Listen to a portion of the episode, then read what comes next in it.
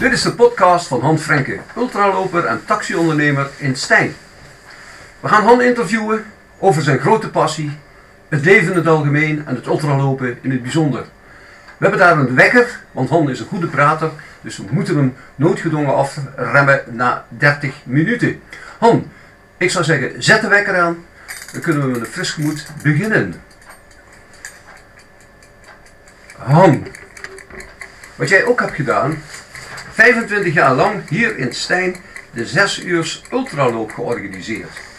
Er is een einde aangekomen, maar dat was ook een begin. Vertel eens iets over dat begin. Hoe komt de mens, normaal denkend mens, bij de gedachte om 6 uur te gaan lopen op een vrij saaie route ook nog door het Steinerbos? Verklaar je nader. Ja dank. Ehm, dat is eigenlijk gekomen dat ik eigenlijk uh, vanaf uit mijn jeugd, uh, hadden we in de vorige podcast al behandeld, dat ik het ultralopen ben gaan doen. toen kwam ik in België ook in aanraking met, met Jos Kleenput. Die was van de Marathon en Ultra Cup en die deden dan zes uren organiseren. En er waren toch wel bekende La Louvière en zeker ook in Geel toen uh, dacht ik zelf, uh, kijk, we hebben hier uh, in, in Stijn, de gemeente Stijn, een duursportgemeente met de Ronde van Limburg, een triathlon. En waarvoor niet een, een? Toen heb ik ook met vrienden zoals Anton Smeets, Bert Hangman en ook natuurlijk Patrick Franke, hebben toen een stichting opgericht. Ook uiteraard bij de notaris en toen de eerste keer dus uh, die, oh, die ultraloop georganiseerd in, in het mooie Steilerbos. En ik vond het wel persoonlijk wel een mooie ronde, maar oké, iedereen is daar zijn mening, hè, mag daar zijn mening over hebben. En ja, in 96 begonnen we toen en toen had ik nooit kunnen denken dat wij eigenlijk als stichting zijnde, de World's Fastest Six Hours Run, daar echt een extreme aantrekkingskracht hadden. En ja, tijdens de eerste loop uh, hebben we toen ook nog zelfs uh, die deelnemerslimiet uh, moeten verhogen en ook een ander parcours moeten nemen. We hadden toen een klein parcoursje rond de Steinerbos. En ja, dat was eigenlijk al toen al te klein, want ja, je moet toch natuurlijk kijken als je dat was het eerste parcours geloof ik, wat van 1000 meter, kun je maar zoveel mensen eh, op doen. Toen hadden we de hele buitenkant van de Steinerbos gedaan en, en toen kon je ook dus meer mensen uh, huisvesten. Want maar ja, dat rondje dat bleef voor mij toch een beetje een beperking, want je loopt ja tig rondjes langs dezelfde omgeving. Het publiek dat was mondjesmaat in het begin, want niemand begreep wat precies de bedoeling was. Ik ook niet, moet ik eerlijk zijn. Maar eh, zes uur uh, ja, gewoon constant lopen, waarop loop je dan? Je loopt eigenlijk meer tegen jezelf dan tegen de tegenstanders. Ja, Wim, uh, dat, dat klopt. Mijn bedoeling was ook dat ik namens, de, namens de stichting, dat we die stichting oprichten, dat mijn bedoeling was het doel, het promoten van de ultraloopsport in de gemeente Stijn en ook natuurlijk in de provincie Limburg. Dat als je iemand zou zeggen na 25 jaar, wat is ultralopen? Dat dan zeggen, hé, hey, ultralopen, ja, dat zijn alle afstanden langer dan de marathonafstand. Langer dan 4295 meter. En de meest voorkomende zijn 6 uur 12 uur, 24 uur, 50 en 100 kilometer. Dat was eigenlijk mijn bedoeling, dat de mensen van Stijn, ook, uh, of, en ook van Limburg, dat ze konden denken, hey, kijk, ultralopen, ultramarathon, dat is toch natuurlijk uh, iets anders dan een marathon. Je kan langer lopen dan een marathon. Dat was eigenlijk mijn, mijn idee erachter, de gedachte dat de mensen te confronteren met die uh, dingen. Dan het lopen van dat rondje, wat je zelf zegt, en zeker zes uur lang. Ja, dat is natuurlijk toch wel een opgave. je moet natuurlijk toch zeker positief denken als je start. Je moet niet denken, nou moet ik nog 5 uur en 59 minuten moet ik nog lopen. En het is zo met zo'n zo'n 6 uur ultraloop, uh, wat wij 25 jaar lang hebben georganiseerd. Je moet natuurlijk toch uh, ja, daar een, een, tijdsfases werken. Dat je zelf zegt, je gaat als eerste 10 kilometer, dan is de halve marathon, dan is de marathon. En daar komt het, uh, het grote het probleem, zeg maar, of ja, het probleem is het niet. Maar normaal is het altijd, en dat hebben we gezien in die 25 jaar wat we georganiseerd hebben, dat eigenlijk na 4,5 uur, 4 uur 15, dan daar worden eigenlijk, uh, ja, daar worden eigenlijk. Uh, de, de, de maatstaf dat het daar gaat breken of, of je hebt het nog goed. En dus, kijk, bij zo'n marathon is eigenlijk dat, dat punt is eigenlijk rond de 30 kilometer. 30 tussen 30 en 34. Uit mijn ervaring van 252 marathons in 40 landen. Maar bij zo'n ultraloop is het heel belangrijk dat je na 4 uur, 4,5 uur, daar begint de vermoeidheid toe te slaan. Dat je dan nog heel goed bent. En dat hebben we ook in, die, in, die, de eerste editie, ja, dat was in 96. Toen hadden we 88 deelnemers. En ja, dat was toen, uh, dat zag je toen ook uh, goed. Dat die Belg Mark van der Linden, die liep eventjes daar een wereldbeste prestatie. Met uh, 91 kilometer en 593 meter. Dus ja dat, was, ja, dat was toen al voor ons natuurlijk een maatstaf. Dat wij toch in de komende 25 jaar, ja, dat had ik natuurlijk niet kunnen denken. Want ik heb al, zoals je weet, goede connecties met Jomanda. Uh, maar uh, ja, dat kan je natuurlijk niet bevroeden dat wij in die 25 jaar, en uh, daar zullen we het dadelijk nog over hebben, eh, dat wij altijd een van de weinigste lopen ter wereld waren met die 6 uur, dat we altijd constant winnaars hadden, boven de 80 kilometer. Ja, dat, dat, dat, kan ik me nog herinneren. Ik ben er zelf ook. er zijn mij eigenlijk twee dingen opgevallen aan. Het is eigenlijk een, een, ja, ik ga jou natuurlijk beetje tegen de haring strijken, anders was het niet leuk. Maar ik vind het een publieksonvriendelijke sport, want als je de kant staat, je weet bij god niet wie nou eerste ligt, ja, dan heb je dan zo'n fietsmeneer of een fietsmevrouw voor. Maar de rest kun je niet overzien wie nou gaat winnen of... Dus ik vond het een beetje publieksonvriendelijke sport.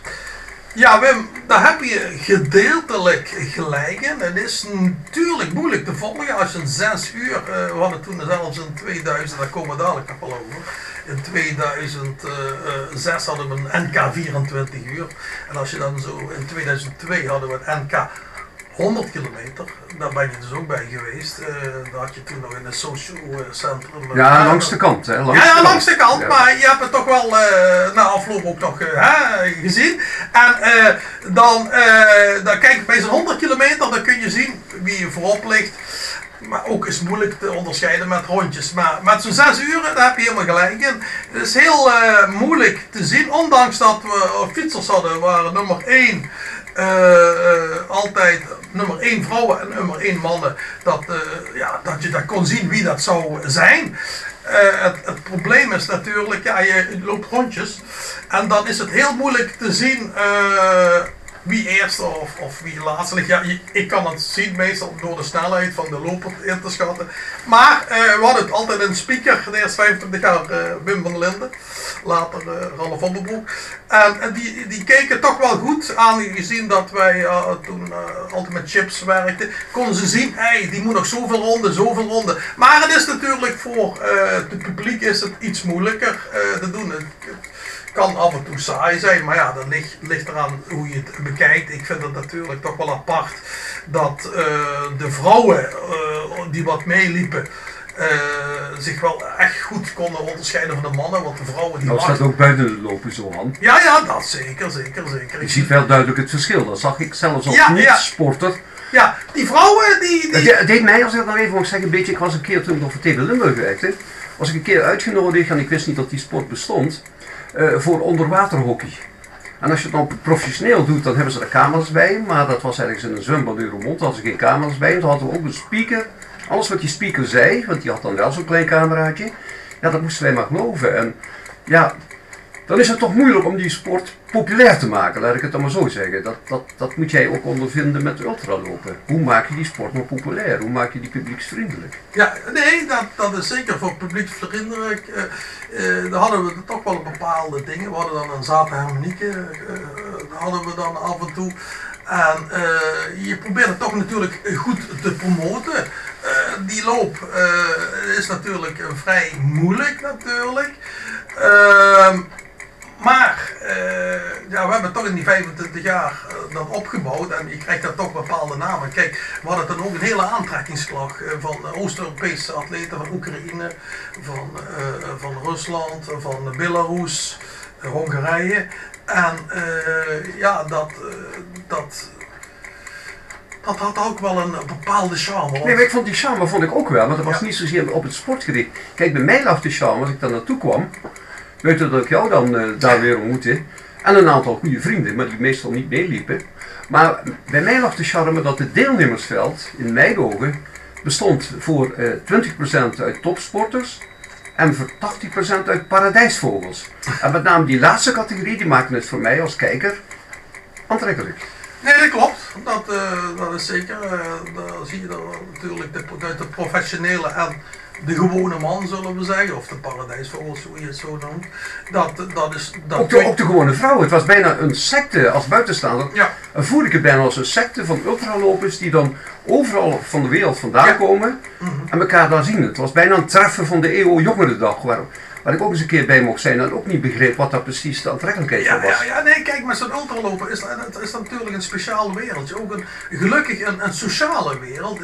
Ik, ik, ik ben ook eh, ja, over 40 landen overal geweest met, met die ultraloper. En je komt altijd toch bijna altijd dezelfde eh ja, paradijsvogels sowieso als je tegen, tegen. Dat heeft natuurlijk wel eh, zeker eh, zijn, eh, zijn, zijn charme. Ehm, wat daarbij is eigenlijk eh, dat daar 20% eh, competitief is, maar dat zie je nou ook behoorlijk in de atletieksport. Er zijn er van 100 mensen die wat in een trimloop meedoen of in een wedstrijd meedoen, dan zijn er misschien 10 die wat echt hè, gas geven en, en de rest is allemaal, vinden het gewoon leuk te Bij de marathon heb je dat ook. Ja, halfmarathon heb je dat ook. En dat heb je ook nou natuurlijk bij dat ultralopen. Er zijn natuurlijk eh, ja, misschien 20% die wat het echt eh, doen. Kijk, ik heb ook een onderzoek gehouden in de 96. Dat was ook bij de eerste keer had ik een onderzoek gehouden voor eh, wie doen eigenlijk eh, ultralopen. Hè? Dat was dan toch eigenlijk mensen die wat uit... uit ja, van de marathon, eh, niet meer de marathon eh, progressie boeken, maar dan eigenlijk de uitdaging zoeken. En dat zie je nou ook in de, in de hele atletiekwereld. Kijk, het moet allemaal apart zijn, dat vind ik ook leuk. Kijk, zoals trails of obstacle runs, eh, dat is natuurlijk leuk. Maar met dat ultralopen, dat zie je dan ook natuurlijk, wat ik dan ook opgevallen is, en ook met die vrouwen, waar we hadden, de dokter Ernst van Aken, die heeft toen eens in Walt Neel een hele studie daaraan gedaan, dat die vrouwen beter bestand zijn tegen extreme omstandigheden en eh, met hardlopen. Eh, je ziet dat eh, bij die zes uren, die, die vrouwen die lachen nog en die mannen, dat zijn echte oude mannetjes. En ja, dat kan misschien ook toch wel ook door de hormoonhuishouding. En dat is niet voor niks dat de, de vrouwen ook baren natuurlijk. Nou, ik, ik ga daar niet verder binnen. Oké. Laten we ons tot de sport Ja. beperken. 25 jaar eh 6 uur Stijn. Wat heug jou het meeste? Wat vond je het meest markante in die 25 jaar? Wat heeft jou het meest verrast in die 25 jaar? Ja, mij heeft het wel verrast dat, dat, dat, toch, eh, dat we altijd toch eh, heel veel eh, deelnemers in Stijn hadden. En, en, en, en wat me ook helemaal verrast hadden, dus dat eigenlijk eh 70% van onze ultralopers, die kwamen eigenlijk allemaal uit het buitenland. Ja. En dat een hele kleine beperkte schaal uit Nederland kwam. Kijk, we hebben natuurlijk wel als de gemeente Stijn een geografische gunstige ligging. We zitten hè, 30 kilometer van Aken. We zitten hier 2 kilometer van de grens van Maasmechelen. En eh, dat was ook misschien wel een, een goede zet van mij, eh, denk ik misschien wel, eh, dat wij de eerste ultraloop waren van Europa. Dus dan had je sowieso al die aantrekkingskracht. Wat was de bedoeling, Wim?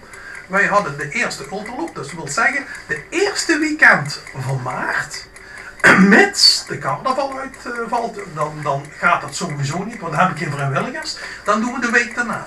En dat was wel een goede zet eh, wat wij hadden. Ehm, waarvoor? Ehm, wij hadden dus, eh, dus de eerste loop. Wij waren ook aangesloten bij de Marathon en Ultra in België. Dus dat is eigenlijk een, criterium van loopwedstrijden, ook professionele, in België en Nederland en, Luxemburg. Dan hadden we de Duitse Ultralaufverein. Dat is een, een, een, een, ultraloopvereniging eh, van marathon, eh, of van ultramarathonlopers in Duitsland. Daar hadden we de DUV Sechstunde Cup met Nuremberg. met, met andere Duitse dingen. En ja, die Duitsers die zijn toch wel, die zijn toch wel erg eh, gericht op, eh, op prestatie. Hè? En, zeker ook in, in, leeftijdscategorieën. Dus dat was goed. En dan had ik hier nog met Henry Thijskes eh, eh, de Limburg eh, Cup. En de, wat wou dat zeggen? Dus dat is ook een criterium van de 50 kilometer op het circuit. In Zolder, hier bij onze vrienden. 25 minuten weg. En onze 6 uren. En dan hadden we daar een handicapformule. Dus als je een ouder persoon bent, 75, dan kreeg je meer punten dan een jongere persoon. Dus dat waren eigenlijk de criteria. En daardoor kregen wij dan natuurlijk eh, veel mensen uit het buitenland. Maar niet alleen dat. Eh, wij stonden dus ook vrij hoog in die ranking. Ja, kijk, je ziet al bij de eerste keer, eh, toen had die Mark van der Linden al direct 91, 593. Dat waren allemaal al heel veel, eh, veel records. En Kijk, het is ook zo. wij hadden het als organisatie, wij doen het parcours altijd opmeten bij de Jones Counter. En dan ben je verplicht en dan worden die prestaties ook eh, gehonoreerd. Eh, dan hadden we een heel snel parcours eh, aan de buitenkant van de Steinerbos. Dus dat waren wel een paar factoren die wat toch meespeelden. Ja, dat geloof ik. Omdat we ook nog heut, eh, je zegt ja, we lasten er alleen af op dit weekend als eh, er carnavalsactiviteiten waren. Maar ik kan me ook nog een editie herinneren toen gewoon het weer parten speelde en toen, toen jullie ook moesten aflasten. Ja, dat klopt eh, Wim. Eh, daar heb je helemaal gelijk in. Dat was, ik dacht zelf even kijken, moet ik even kijken in de archieven. Dat was nog vrij recent. Ja, dat is vrij, vrij, vrij recent. Dat was in 2019, Wim. Ehm, toen eh, zag je wel helaas al die deelnemers van, eh, de, de, de, van de atleten begonnen al een beetje af te, af te brokkelen. En ook zeker dat iedereen ja, obstacle runs doen. Eh, Trails is natuurlijk heel vandaan. Toen eh, had ik toch kijken, dus zo kijk ik, wij doen over, eh, even kijken, over twee weken. Eh, doen we weer ook weer, niemand de ultraloop, maar dan doen we een 5 en 10 kilometer een halve marathon. En ik, ik kijk al nou al naar weer online, al naar de weersvooruitzichten. Oh, gaat het waaien? Want dat is toch meestal in die voorjaars eh, marathons of halve marathons, whatever. Dat kan, kan natuurlijk flink eh, waaien. We hebben een steiler bos, daar kunnen uh, waaien. Dus ik kijk al naar die prognoses. En die prognoses waren toen eigenlijk ook al niet zo goed. Maar ik ben een man, uh, aflasten bestaat bij mij niet. En uh, ik wil gewoon uh, door, uh, door alles door laten gaan. Alleen ja, mits natuurlijk de veiligheid van de lopers in, in het ja, gedrang zou komen. Daardoor was natuurlijk die harde wind in het Steinerbos ja, was onverantwoord. Toen hebben we de, de 5 en 10 kilometer door laten gaan, maar bij die 6 uren hebben we na 3 uur moeten stoppen. En ook maar geluk dat we stopten, want ik, ik had die, die windkrachten was uh, nou, zeker al naar 7 naar 8, uh, 120 km per uur. En uh, ja, toen hebben we besloten dus af te doen. En dat hebben we wel ook zo gedaan. Jongens, kijk, wij hebben Lucien Thijssen van SQM Timing. Ik zeg, maak dan maar een rangschikken orde van wie binnenkomt. Dan worden de prijzen verdeeld. Dus dat was dan, uh, ja, dat was wel heftig. We, maar we hebben ook uh, de MKZ, mond- en klauwzeer, hebben we ook gehad. En ook de vogelgriep. Dat ja, even ter verduidelijking voor de niet-sporters dan. Dat waren periodes die landelijk speelden. Dat was niet tot nee. iemand van de deelnemers. Nee, nee, nee, nee, nee. Niemand van de deelnemers had MKZ of vogelgriep. vogelgriep. Zou kunnen natuurlijk. Ja. En de MKZ ja, hadden we in 2001. En de vogelgriep, ja, ik geloof ik, kwam, kwam daarna. En ja, dat zijn natuurlijk ook allemaal dingen waar je doet. Kijk, we hebben het ook toen in de editie, ik dacht 99 hadden we dat gehad met Joey Kelly. Mhm. Mm -hmm. En uh, ik had via betrouwbare bronnen de booking agency, Kelly-familie, ken je wel? Ja, uit Duitsland Misschien heel bekend. Ben je fan daarvan of niet? Ik moet heel eerlijk zeggen, ik ben er geen fan van. Oké, okay, ja, ja, ik eigenlijk ook niet. Maar dat was toen in die periode Joey, uh, Joey Kelly, dat was de gitarist. Ik bedoel, kijk er nou goed, ik ben zelf ook basgitarist, wel. Wel bekend. Wel amateur natuurlijk, amateurbasis. Maar uh, die Joey Kelly, uh, die kwam hier uh, in Stijn, ook die lopen want die liep dan ook die Badwater Run in Amerika. Dat was voorbereiding. En ik mocht van de booking agency, moest ik hem onder een andere naam in, in, in, boeken. En ehm, toen, toen hadden we zoveel vrouwelijke toeschouwers, al die jeugdigen, hadden we nog nooit gehad, Wim. Dus dat was een openbaring. Uh, misschien busjes die kwamen naar het parcours alleen voor die Joey Kelly. Want kijk, dat was... Waarom dat had jij ook in je jonge jaren? Ja, nee, oké. dat, dat, Daar hadden wij, hadden wij die meneer Kelly niet voor nodig. Dat Nee. deden wij met onze eigen hand vreken. Die lokte ook de hele vrouwelijke Ja, ja, bevolking ja, eh, naar het Steenderbos. Ja, ja, wat daarvoor zeggen? Dankjewel voor het compliment. Maar eh, dat. eh, Het was heel bijzonder dat die, dat die man moeite nam Kelly. eh, om hier te komen, te komen lopen. Dat was, dat dat, was bijzonder. dat vond ik wel eh, apart, dat zoveel vrouwen, vrouwelijke toeschouwers aanwezig waren. Maar dat had wel wat. Ik bedoel, ik zag wel de meeste hardlopers toch iets harder lopen. Ja, dat geloof ik. Al wat mij het, meest was opgevallen in die, in die jaren, ehm, dat was die, ehm, ik, de naam is mij even ontschoten, ik meen dat het een Hongaar was.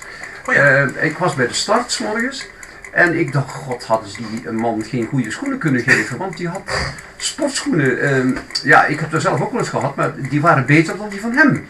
Ik kan me zelfs nog herinneren, maar misschien is dat een verkeerde herinnering, dat hij de, dat hij de voorkant eh, verwijderd had. En eh, toen moest hij nog beginnen, zes uur lopen. Herinner ik mij dat goed, Han, of fantaseer ik iets erbij? Wim, jouw geheugen is perfect. Dat was de heer Janusz Bogar uit Hongarije. En eh, doordat wij natuurlijk geen wereldrecordpremies eh hadden, ja, was ook een aantrekkingskracht natuurlijk. Zeker van die Oostblok-periodes. ja, en Janusz Bogar, pas op, dat is een hele goede hardloper. Die heeft een, een PR op de marathon van 2 uur 13. En wat onder de, eh, voor ons een heilige graal is, die heeft de Spartaklon gewonnen. Dus 243 kilometer, hè? Dus van, eh, van Athene naar Sparta. En dan had hij zelfs nog een auto gewonnen. Een, een, die groene, wat je misschien kent, die Mercedes A-klasse. Dus die kwam hij daar helemaal in. Ja, Janus, dat is natuurlijk. Iedereen eh, heeft al wat, maar Janus had ook al wat. En ik moet zeggen, ik, ik, ik heb nou nog altijd eh, problemen met mijn twee dikke teennagels. Die groeien eigenlijk in het, in het vel. Dat kwam door die eh, acht uur lange afdaling in de Himalaya. Maar eh, ik geloof dat eh Janusz, die had ook problemen met zijn eh, tenen. En dan, die deed dan heel makkelijk, wat je goed zag, voor ventilatie. En eh, hij liep daar wel behoorlijk hard mee, Wim. Nee, dat heb ik zelf aangenomen. Ehm, wat heel belangrijk is natuurlijk, we kunnen het over een aantal technische dingen hebben, dat Oh. hebben we. Ehm, je moet het natuurlijk ook hebben, tijdens de hele organisatie, van de vrijwilligers. En wat ik mij heug, is dat dat kringetje in Klein, dat in Stijn, dat was een vrij hechte club. Want je moet toch maar mensen vinden die elke keer, en dan zeg ik dat maar, onder die dictatoriale bewindvoering van de heer Frenke, eh, daar komt eh achter de présence geven en precies gaat doen wat meneer Frenke wil.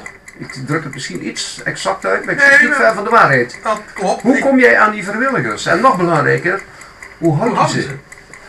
Ja, Wim, dat eh, klopt. Mijn leven met taxi en ook met de stichting bestaat veelal uit eh, vrienden en kennissen.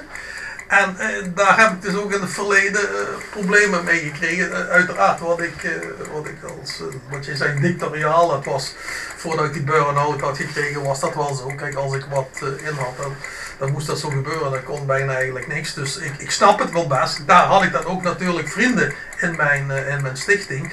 Ja, en dan is natuurlijk wel een heel groot probleem. En dat heb ik ook natuurlijk in mijn taxiverleden ook gekregen. Dat ze niet het zakelijke en het privé kunnen scheiden. Dus dat vind ik eigenlijk wel jammer dat ik daar ook door vriendschappen heb eh, verloren. Maar eh, jouw vraag was ook eens, hoe hou je ze de mensen? Kijk, we hadden een, een vrij klein clubje, ook met vrijwilligers. Eh, we waren goed op elkaar eh, ingespeeld, of we zijn nog altijd. Want ik ben ook nog blij nog dat de stichting 28 jaar staat. En dat de laatste 13 jaar geen wijziging meer in het bestuur is geweest. Dat is toch wel echt belangrijk. Maar ja, kijk, hoe, hoe hou je ze erbij? Ja, ze, komen, ze, ze bieden zichzelf aan. En na afloop gaan we altijd eh, lekker eh, wat eten. We gingen meestal altijd bij de plaats lekker Chinees. eh, ook met onze Russische vrienden. Of, en ook Oekraïense, Belarus, Oost, laten we zo zeggen. eh, Oost-Europese vrienden gingen we altijd eh, eten en dat was altijd gezellig. En eh, kijk, ik vind zelf, als je wat organiseert, je moet gewoon bekijken als vrienden. Een lekkere vriendenclub, er moet geen stress komen. Er moet gewoon wel eh, dingen goed geregeld worden. Dat vind ik natuurlijk heel belangrijk, dat alles goed geregeld wordt. Want kijk, wij hebben zo'n zes uur, Wim, en je weet zelf, na zes uur wordt eh, op drie plaatsen in Steinerbos met een toeter geblazen. Of met een pistool geschoten in de lucht natuurlijk. En dan moet iedereen blijven stilstaan. En kijk, dat is dan toch wel ook wel een, perfectie. We hadden dan drie meetwielen. En die meetwielen moeten met de resterende meters worden dan opgemeten. Kijk, het was dan ook vaker wel sneeuw en regen. Ja, dat is dan toch problematisch. Maar ja, je wilt toch natuurlijk eh, binnen een uur na de wedstrijd eh, een uitslag hebben. En ja, dat ging dan wel eh, gelukkig goed. Maar we hadden ja, zeker in die 25 jaar, we staan 28 jaar, ja, toch goed voor elkaar. Ja, is het ook niet zo handig? Ik, ik, ik strek die parallel nog even, misschien ook weer heel extreem. Maar uh, voor mij is zo'n zo ultraloop survival of the fittest. Alleen de sterkste die houden stand, alleen de sterkste die blijven erbij betrokken. Is dat ook niet zo bij vrijwilligers? Moeten die niet eigenlijk dezelfde mentaliteit hebben? Moeten die niet hetzelfde doorzettingsvermogen hebben? Moeten ze die ook niet ondergeschikt uh, kunnen maken? Is er, is er geen grote parallel tussen de mensen die het organiseren, jij en de vrijwilligers ja. en de mensen die het, die het gaan uitvoeren. Dat is een heel goed punt wat je daar zegt. Zeker die, die vrijwilligers en ook uh, ja, die wat bij ons in de stichting hebben, ja, die hebben daar ook wel parallele dingen. Kijk, ze willen toch graag uh, dat ze een, een, een, een, lekker warm theetje, bouillonnetje, een koletje hebben, dat alles perfect geregeld is. Dat ze alleen maar hoeven bezig te zijn met hardlopen en te focussen om te finishen. Hè? En, dat is natuurlijk zeker een parallel, is ook met de vrijwilligers. Kijk, we zijn er toch drie uur van tevoren al bezig en daarna ook nog eens drie uur met opruimen en alles. En toch alles in goede banen leggen. Die parallel kun je zeker trekken. Ja. Han, die 25 jaar, uh, ik heb er een aantal, uh, de meeste denk ik wel, ben ik wel een keer ja. komen kijken. Wat is nou de editie waar jij zegt van, en dan misschien los van records, waar je met meeste voldoening op terugkijkt? Heb je bepaalde edities waar je zegt van nou, dat, daar ben ik nog steeds trots op? Dat, dat, dat, dat had ik niet verwacht van tevoren. Ja, ja dat klopt. We, we zijn meerdere edities. We hebben de NK 100 kilometer toen georganiseerd. En ook uh, in de Stellenbos. En ook, uh, daar was uh, toen ook wel, wel een heftige 100 kilometer. Wat, wat was gebeurd.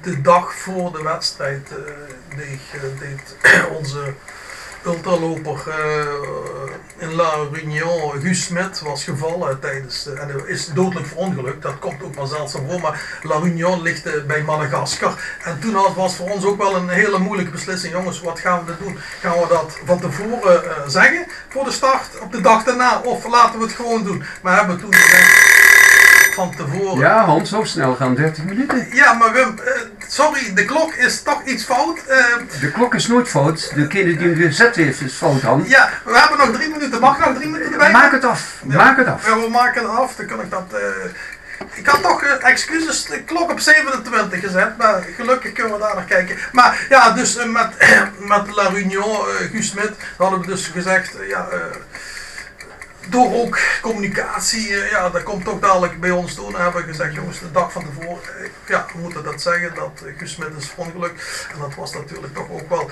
was dat een goede beslissing, ja of nee? dat was dan, natuurlijk heftig. dan even terugkomen, we hebben nog 2 minuten 30 op die NK 24 uur, dat vond ik ook wel apart met Matje Robbers. Die had toen gewonnen en 24 uur mensen, ook vrijwilligers, in getouwen, dat is toch wel heftig.